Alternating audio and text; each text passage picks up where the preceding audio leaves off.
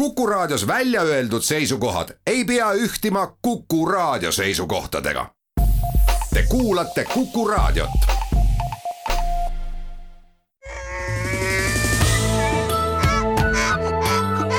loomult loom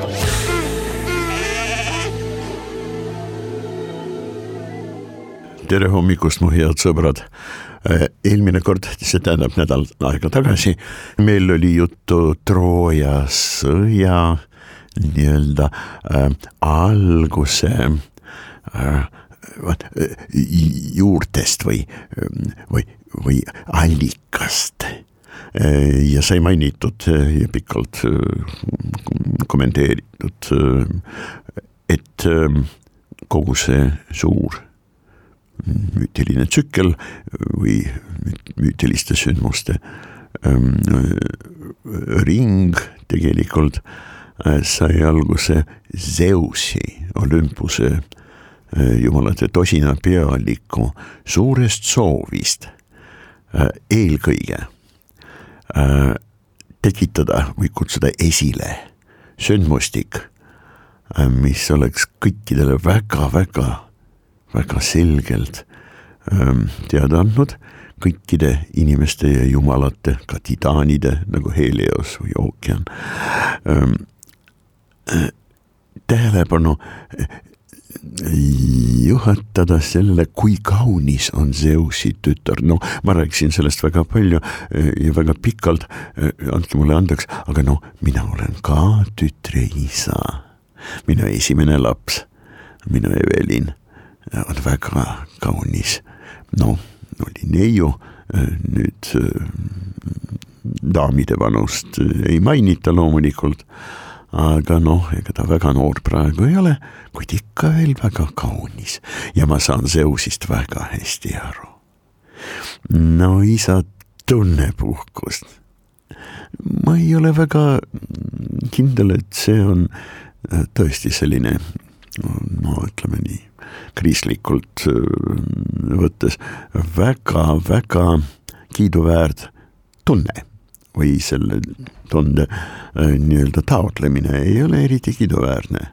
uhkus ei ole päris seesama, mis kõrgus, aga ega nad väga kaugel teineteisest ei ole.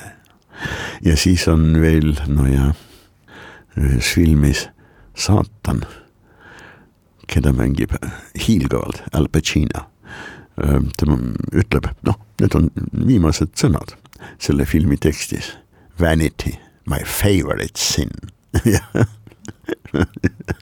okei, tõesti uhkus, uhkus enda üle või omade, kes kuidagi on sinuga seotud, tegelaste üle uhkus. jah, on tõepoolest lemmik inimeste patt saatana silmis, aga see selleks äh,. minagi olen üsnagi inimene ja isa. ja muidugi mul on õudselt, õudselt hea meel, et minu tütar on nii ilus. ma mõistan Zeusi täielikult, kuid see on üks ainus esiteks, tähendab, see ei ole ainus, palun vabandust, see on kõigest esimene nii-öelda Zeusi mõte. et tuleks ikkagi panna noh, terve see tsiviliseeritud maailm aheialased, kreeklased ja siis need troojalased, asiaadid ja, ja eurooplased sõnna, sõtta paisata.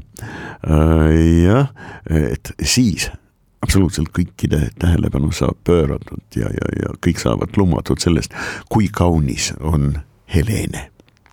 Äh, teine äh, Zeusi äh, nii-öelda lähtepunkt selleks, et kutsuda esile sündmustik, mis viis kümneaastasele sõjale, oli loomulikult luua olukord kus kangelased, nii palju kui neid päris kangelasi on, äh, saavad ennast näidata, ennast teostada, saavad tegutseda. Äh, jah, äh, Achilles või Achilleus, Teetise Vahemere jumalanna ja ähm, Peleiase, ühe kangelase poeg pidi surma saama, seda oli teada, noh. Vahemere jumalanna teetis ähm, loomulikult teadis täpselt, et kui poeg läheb sõtta, ta saab lõpuks seal surma ja ta peitis Achilleust ühe kuninga kojas neiuks riietatuna teiste neidude sekka. ja Diomedes ja Odysseus olid need kreeklastest äh,, aheialastest äh, kangelased ja noh, ka omal maal, kellel saarel, no Iitaka saarel Odysseus, Ulysses roomlastel äh, ja äh, nii edasi, äh, ka kuningad, nemad läksid Achillest värbama Äh, riietasid ennast kaupmeesteks äh, ja tulid kuninga kotta kõiksugu suurepäraste aaretega, äh, et pakkuda tema printsessidele, tüdrukutele need aarded. seal olid siis võrud kullast ja hõbedast ja seal olid loomulikult kangad ja olid tiaarad, sellised poolkroonid ja mida seal kõike ei olnud, kõik tüdrukutele, aga nende tüdrukutele ette nähtud äh, kaupade sekka Odysseus ja Diomedes paigutasid mõõka. Ja veel mingisugust relva. Ja Hilleus, kes oli riietatud printsessiks, küll väga pikk, väga suur, aga väga kaunis. Noorhärra ja väga noorhärra ta oli. vaat tema siis loomulikult nägi mõõka ja kohe haaras selle, kõik oli selge. Achilleus oli leitud, no ja Odysseus oli mm, üks äh, kogu üüratust Rooma, Kreeka ja Rooma mütoloogias kõige andekam, kõige kuulsam äh, veenmise meister jah, kaval pea Odüsseus, tark Odüsseus. Äh, eks Iliasele järgnes ju Odüssea või Odüssea, see on siis teine Homeruse lugu. Äh, just nimelt sellest, kuidas peale kümneaastast sõda Odüsseus oma kaaslastega üritas äh, oma saarele, Itaka saarele naasma. aga no vot, Poseidon väga-väga suur ja väga äge, väga hirmus. Jumal, merejumal. Äh, oli Odysseuse peale väga vihane, sest Trooja hobune. Ja terve see pettus, pettemanööver. Äh, Trooja hobusega, nii-öelda tohutu suure hobuse kujuga, puidust ehitatud hobuse kujuga. Ähm, et seda jätta siis mereranda troojalastele näha ja äh, petemanöövrina äh, laevadega minna merele, nagu loobuksid heialased Trooja edasisest noh, piiramisest. ja siis lepituse märgiks tegid Poseidoni märgilise looma kuju. hobune, Poseidoni loom. Muidugi mitte ainult Poseidoni, selge see, Heliosel ka Apollol, noh, päiksejumalused ja Helios titaan ja Apollo siis Olümpuse jumalus ja. ja muuseas Helios on mõne müüt-, müütilise süsteemi kohaselt just nimelt Afrodite ehk siis Veenuse jah, armastuse jumalanna. isa ja just nimelt Heliose saabumist koju, kui sõjajumal Marss oli parajasti Afrodite juures külas ja nad parajasti vist magasid jah. ja Alektrion, sõjajumaluse tensik, pidi õigeaegselt teavitama neid, et päike tuleb, tõuseb, läheneb Äh, Helios siis abikaasaks jah. Äh, ja, aga magas ise sisse ja saigi kukeks muudetud. okei okay., ähm, igal juhul Heliose ja ka Apollo märgiliseks loomaks, muidugi on ka hobune, ja hobused on väga paljude jumaluste ja loomulikult väga paljude kangelaste märgilised loomad. Kogu Kreeka mütoloogias, selge see, no Pegasus, tuletage meelde, eks ole, Bellerofontase äh, ratsu, kes üldse tekkis, tuli maailma tiivulise hobusena elama hirmsa koletise Gorgo meduusi äh, verest, kui Perseius raius meduuse pea otsast, jah. aga no näete, nende müütidega on täpselt needsamad olukorrad ja täpselt kõik needsamad lood sellised, et nad on kõik seotud omavahel, need on ju müütilise teadvuse jaoks ainuõiged tõelised lood. ja nad peavad olema teineteisega seotud terviklikuks ühtlaseks süsteemiks, olgugi et see on väga dialektiline, see on ähm, sealjuures vahest fragmentaarne, mosaiikne, milline see ka ei oleks, kuid praktiliselt iga müüt, konkreetne müütiline süžee ja siis vastavad tegelased on seotud vaata et kõikide teistega.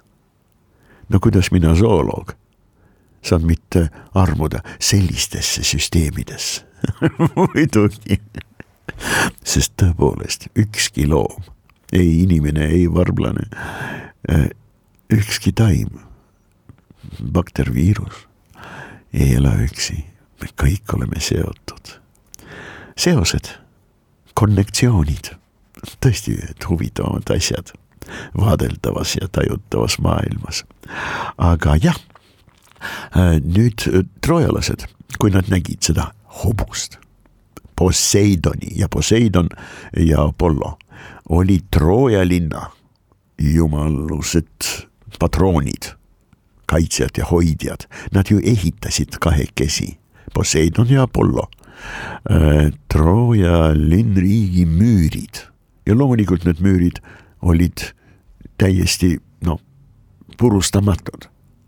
Ja Troojale õnnestus üldse kümme aastat vastu pidada tänu sellele, et kreeklastel oli täiesti selge, ei ole mitte mingit mõtetki üritada purustada äh, need müürid kuskil, et pääseda linna. väravad, väravate kaudu, ainult väravate kaudu saab Trooja linna sisse tungida. nii et Poseidoni märgilise looma kujuline oli see puidus ehitis, mille sees olid kreeklastest, heialastest, vaat need sõdalased. nii et troojalased viisid, see Trooja hobune, eks ole, mis oli ratastel, viisid ta linna, panid pidu, sõda on läbi, me nägime, kuidas kreeklased sõitsid oma laevadega merele, eks ole, läksid, sõitsid ära ja öösel ronisid need kreeklased sellest puidust hiigelhobusest välja, no ja edasi on selge, mis kõik seal parajasti toimus, kuid kangelased, kangelased, kangelased, kangelastele tingimata on vaja, see oli Zeusi veendumus absoluutne ja muuseas mitte ainult Zeusi, kõikide jumaluste meeles, kangelased on ühed tähtsamad nähtused üldse maailmas, nendel tuleb luua võimalusi tegutsemiseks. see on siis teine põhjus, mis on kolmas. rahvast, inimesi Zeusi meeles tekkis maailmasse liiga palju. vot see mõte. Äh, jah ma usun, et Homerosel sellele mõttele, selle ideele või ajendile vihjeid eriti ei ole, ma loomulikult ei ole spetsialist. ja et mina neid ei näe, ei tähenda, et neid ei ole võimalik seal kuskil professionaalsel filoloogil, eks ole ähm,, välja tuua. kuid noh, see temaatika, eks ole Trooja sõda, Ilias, on ju üüratud äh, tekstide äh, aluseks või lisasüžeeks. Äh, nii et see on kindlalt ka ja mõjuv tegur olnud Zeusil, see oli siis see kolmas põhjus, miks ta provotseeris, initsieeris, noh, kutsus esile, tekitas sündmuste ahelikku, mis viis Trooja sõjani liiga palju inimesi. teeme väikest pausi ja siis lähme edasi.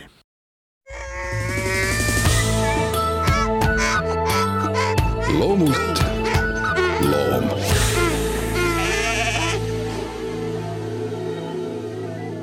mida see tähendas, mida võis tähendada liiga palju inimesi maailmas? kelle idee see üldse on? kas inimesed on antiikajal, keskajal või mingil teisel ajal äh, oma peakest vaevanud või oma tähelepanu nii-öelda osutanud, pööranud sellele, et inimesi on liiga palju. oo jaa, on küll äh,. sest äh, paraku äh, meie liigi ehk päris inimese äh, ühiskond on ju tohutult mitmekesiste sotsiaalsete struktuuridega. ja noh, mingisuguse rahva väljakujunemine, rahva tekkimine, evolutsioon äh,. jah, on äh, väga mitmekesiselt ja õige mitmel moel äh, arenenud ja toiminud äh, siin maailmas. Äh, no loomulikult äh, jahipidajate, no ja loomulikult korilastega, no andke andeks, see, vot see valem, jahimehed, korilased, mind natukene häirib. just nimelt korilaste osas. ma ei ole kohanud inimesi, kellel ei oleks võimsat koriluse tungi südames.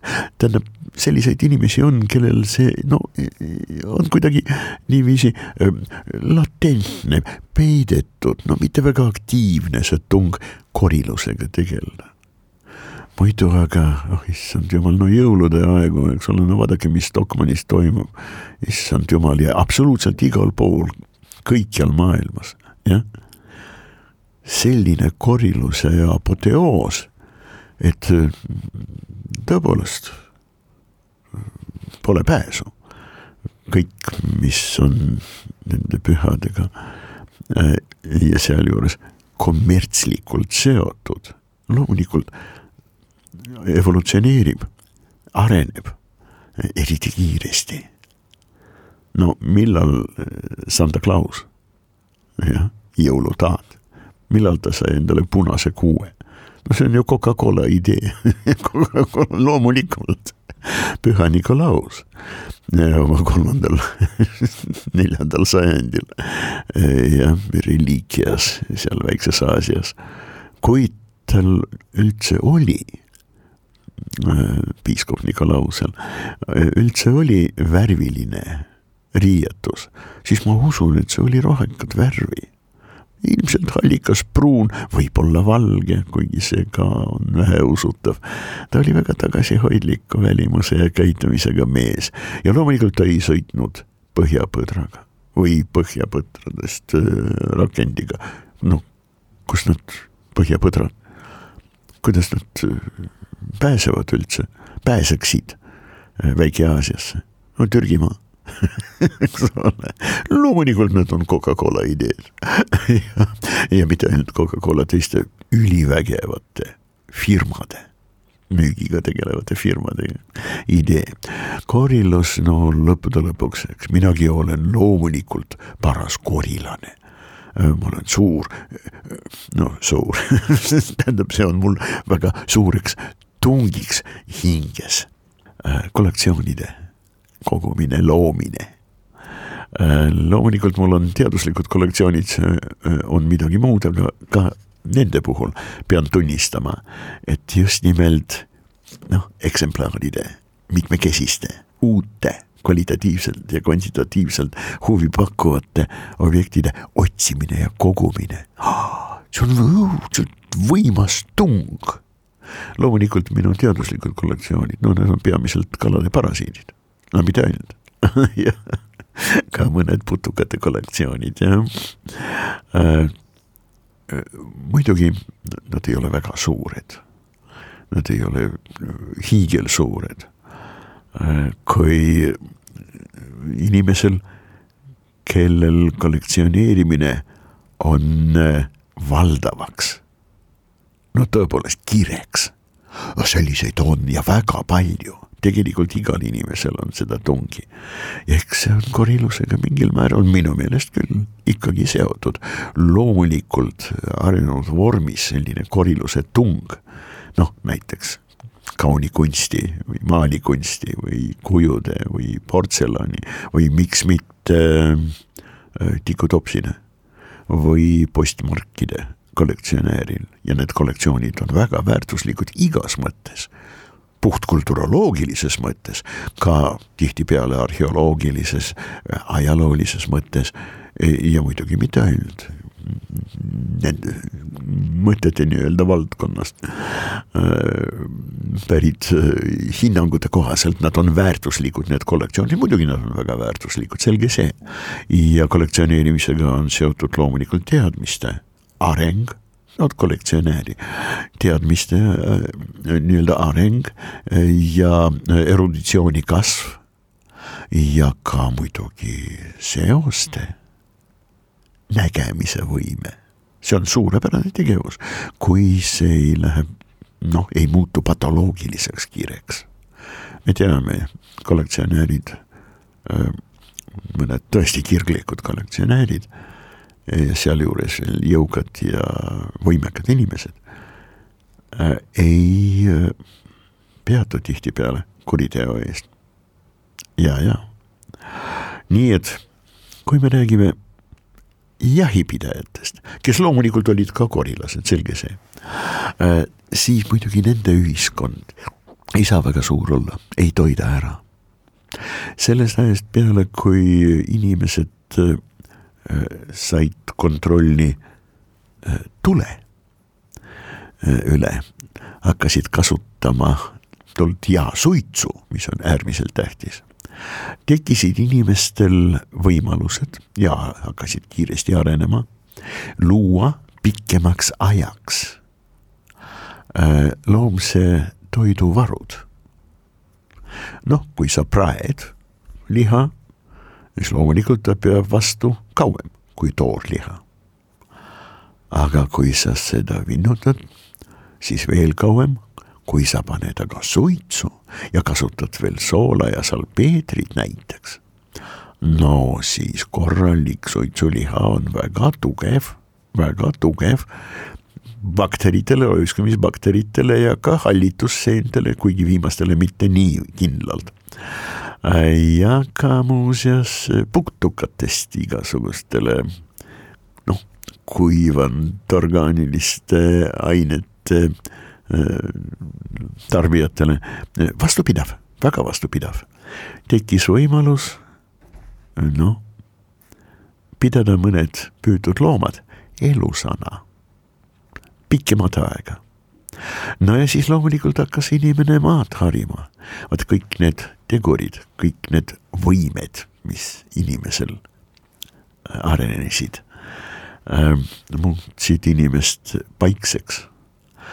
Ja maapindala ühik äh, muutus ülisuureks väärtuseks, tõepoolest territoriaalne käitumine inimesele loomulikult on alati olnud mingis vormis mingil määral omane, kuidas siis teisiti. umbes nii nagu ka šimpansitel ja kindla peale, orangutaanidel kindla peale. Äh, muidugi ka äh, jah, gorilladel, äh, selge see, kõik on seotud loomulikult sellega, et sinul on kindel territoorium, mille ressursid on sinu pärand. sa kontrollid neid, sa kasutad neid, kuidas kaitsta sellist territooriumit, kuidas seda paremini kasutada.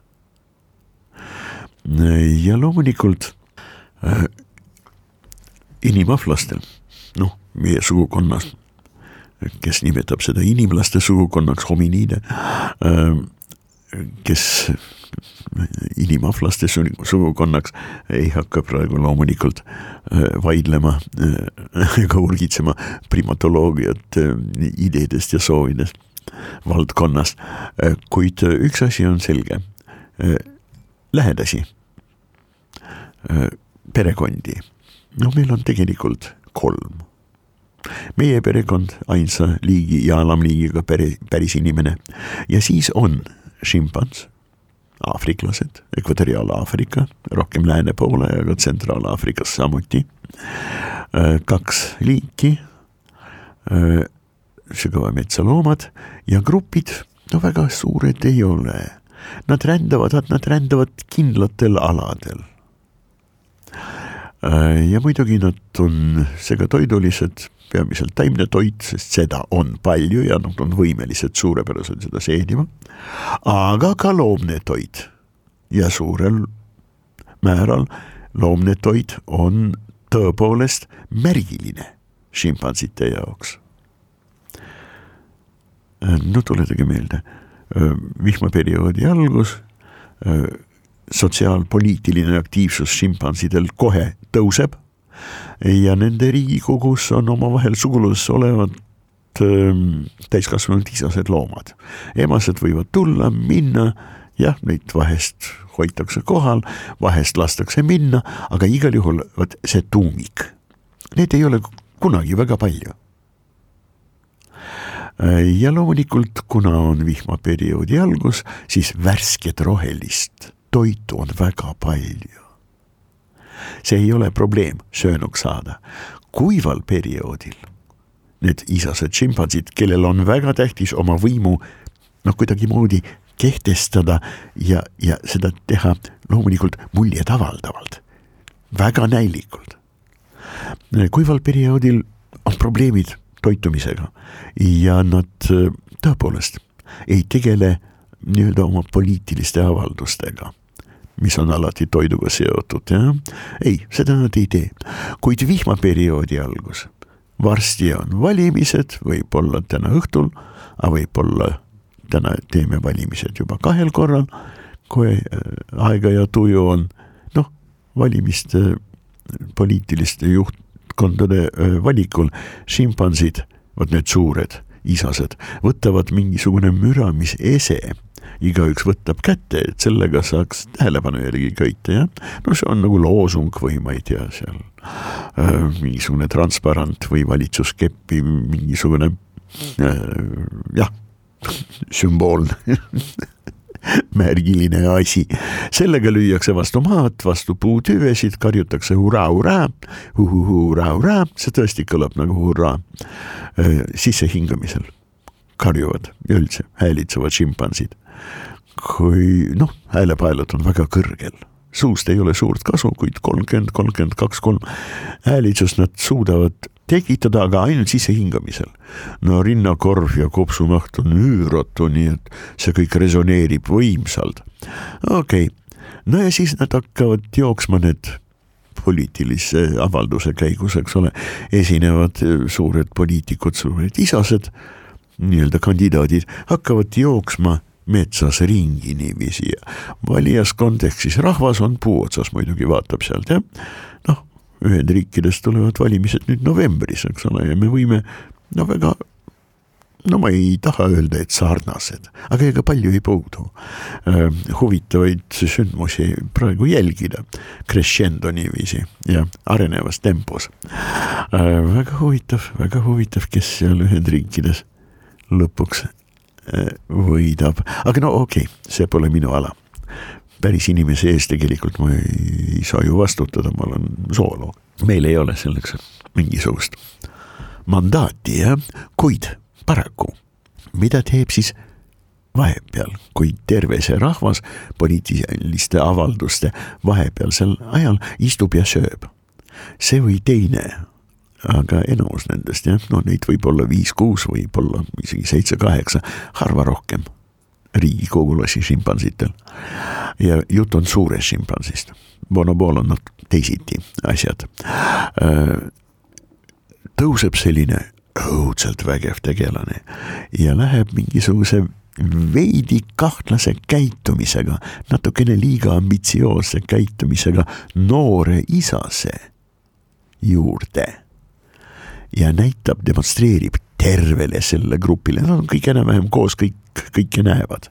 Ja kõik söövad rohelist, no mitte salatit, eks ole, seal lehti ja võrseid ja okei. Okay tuleb siis selline poliitik, vaatab otse silma pupillidesse, ärge kunagi seda tehke, kui te olete loomaga kontaktis, ärge vaadake pupillidesse, vaadake silmanurkadesse, sellest täiesti piisab, et loom ei tunneks ennast ahistatuna. võite proovida, kas või peegli ees või mõne sõbraga, kes on nõus selle katses osalema, vaadake otse pupillidesse võite naeratada, aga parem mitte. ilmekam tuleb. otse pupillidesse mõnda aega, liikumatu näoga. ja siis pöörake pilk ära ja mõne aja pärast vaadake sama inimese näkku, aga mitte pupillidesse, vaid silmanurkadesse. No ma ei tea, sõltuvalt sellest, kui kaugel te temast olete, no milline see vahemaa pupillist silmanurgani on no, no kas on kraad või on minut, sekund, jah, kraadi sekund äh,. igal juhul sellest piisab, hoopis teine tunne. nii et see superpoliitik astub mõne kahtlaselt ambitsioosse tegelase, kes parajasti sööb rohelisi asju. ligi vaatab otse pupillidesse, võtab tema toitu jätkuvalt vaatab silma pupillidesse ja laseb sel toidul maa peale kukkuda ja siis pöörab pilgu ära, võid süüa. ta kontrollib toitu, ta valitseb toidu üle. kui see grupp aga saab mingisugust lihalooma kätte, keegi sellest, kasvõi seesama, keda pandi äsja vot niiviisi, kui ta sõi rohelist asja, pandi paika kasvõi seesama loom sama šimpans oli jahil edukas. tulevad kõik poliitikud ka ja paluvad tükist.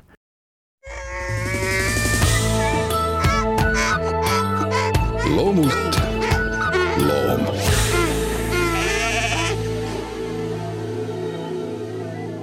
maaharijate, noh, kas ma ütlen loomade? miks mitte, võiks küll.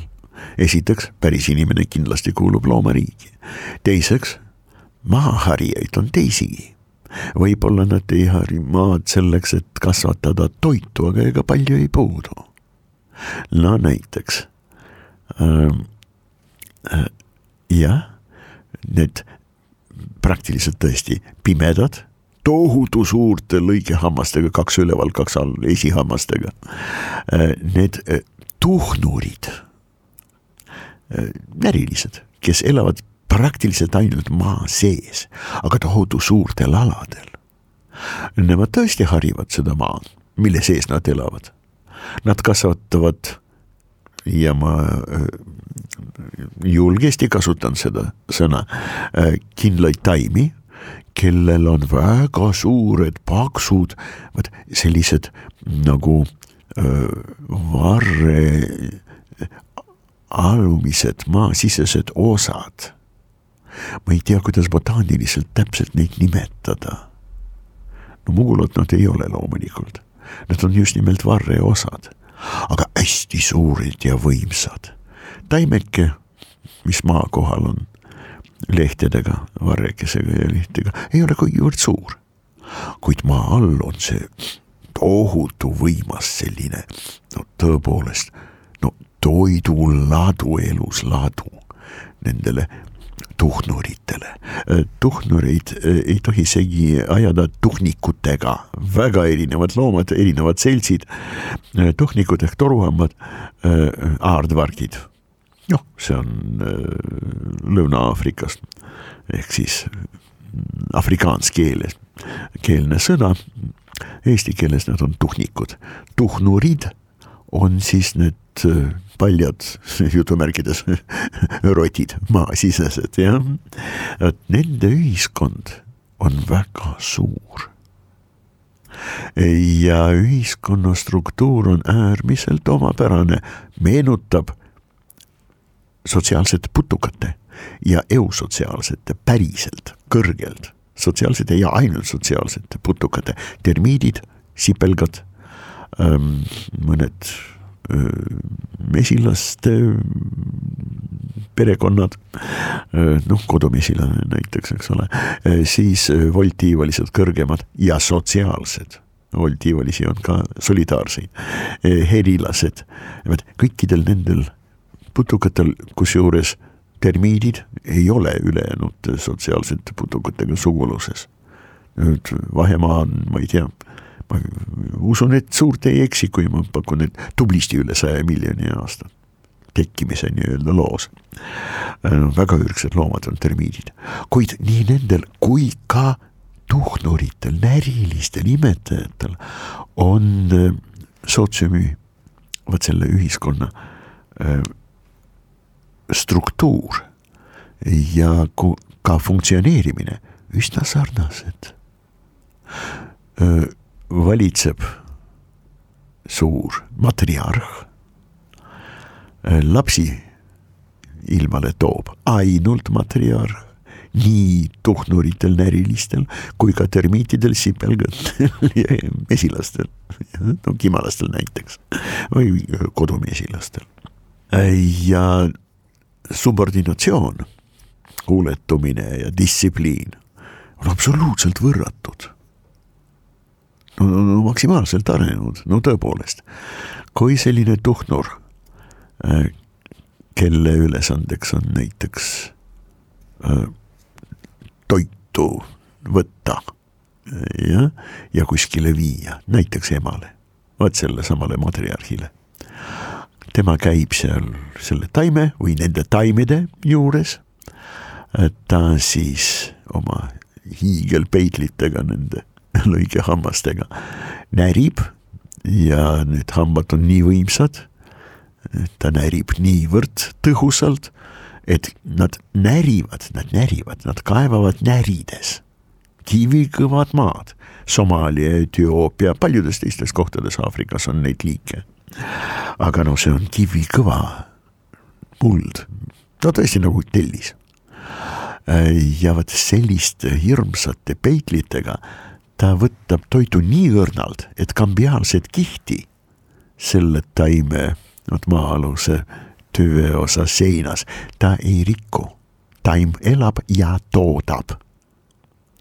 ja kõik fekaalid tuleb paigutada just nimelt õõnsustesse, mis tekkisid närimise tagajärjel, vot nende taimede noh, juurestikuga seoses vot selles alumises varreosas. kui mõni nendest noh, töölistest, ega ma teisiti ei oska neid nimetada, ähm, tuhnoritest äh, jätab oma äh, jah, junnikese kuskile mujale. Teda leitakse ülesse, karistakse nii, et vähe ei ole ja ta tükk aega lamab selili, tõstes sirgelt ülespoole kõik oma neli jalga. kõik teavad, ta on karistada saanud Äh, millised äh, nende loomade nii-öelda kaitsekorralduse ja kaitsetegevuse kombed on, no see on lausa vaimustav. No keda nad kõige rohkem kardavad, loomulikult madusid. no see on Aafrika, rästiklasi on murdu igasuguseid liike, koobrasidki on rohkem kui kuskil mujal maailmas, just nimelt Aafrikas.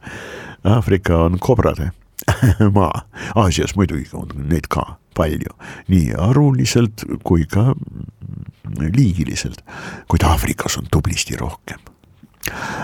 ja muidugi maod on äriliste peale noh no, spetsialiseerunud kiskjad, no maiad nad on jah nii et kui selline madu hakkab mingisugust ventilatsiooni šahtist, jah, avast-, sinna urustikku ja see võib olla, no ma ei tea, sadu, sadu ja sadu meetrit koridore ja kambrid, kambrid, kambrid.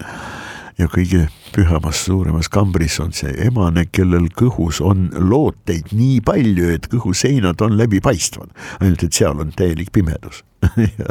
Aga nii, nii pingul on selle matriarhi kõht, et neid lapsukesi on seal noh, märgata vähemalt silmaga võimalik. Mitte ainult selle poolest, et seal mõned, kes varsti peavad juba sündima, on liikujad. Okei. Okay., nii et madu tungib sisse mida teeb kõigepealt see loom, see tuknur, kes avastab madu. ta annab signaali, lööb esikäppadega kõvasti vastu maad. Äh, maa on kuiv ja kõva, nii et resoneerib ja vibreerib suurepäraselt ja äh, on antud ohusignaal, kindel signaal madu. ja siis kohale tulevad ka teised ja nad hakkavad kinni müürima vot seda osa koridorist, kus on madu ja valvur. nii et dulce et decorum est pro patria mori ja magus ja auväärne on isamaa eest surra. no see on sipelgatele väga sobiv väga sobiv ja mitte ainult sipelgadele muidugi, ka tuhnaritele väga sobiv loosung muidugi jah. päris inimesele kindlasti ka muidugi. nii et paraku, kui palju neid tohib olla?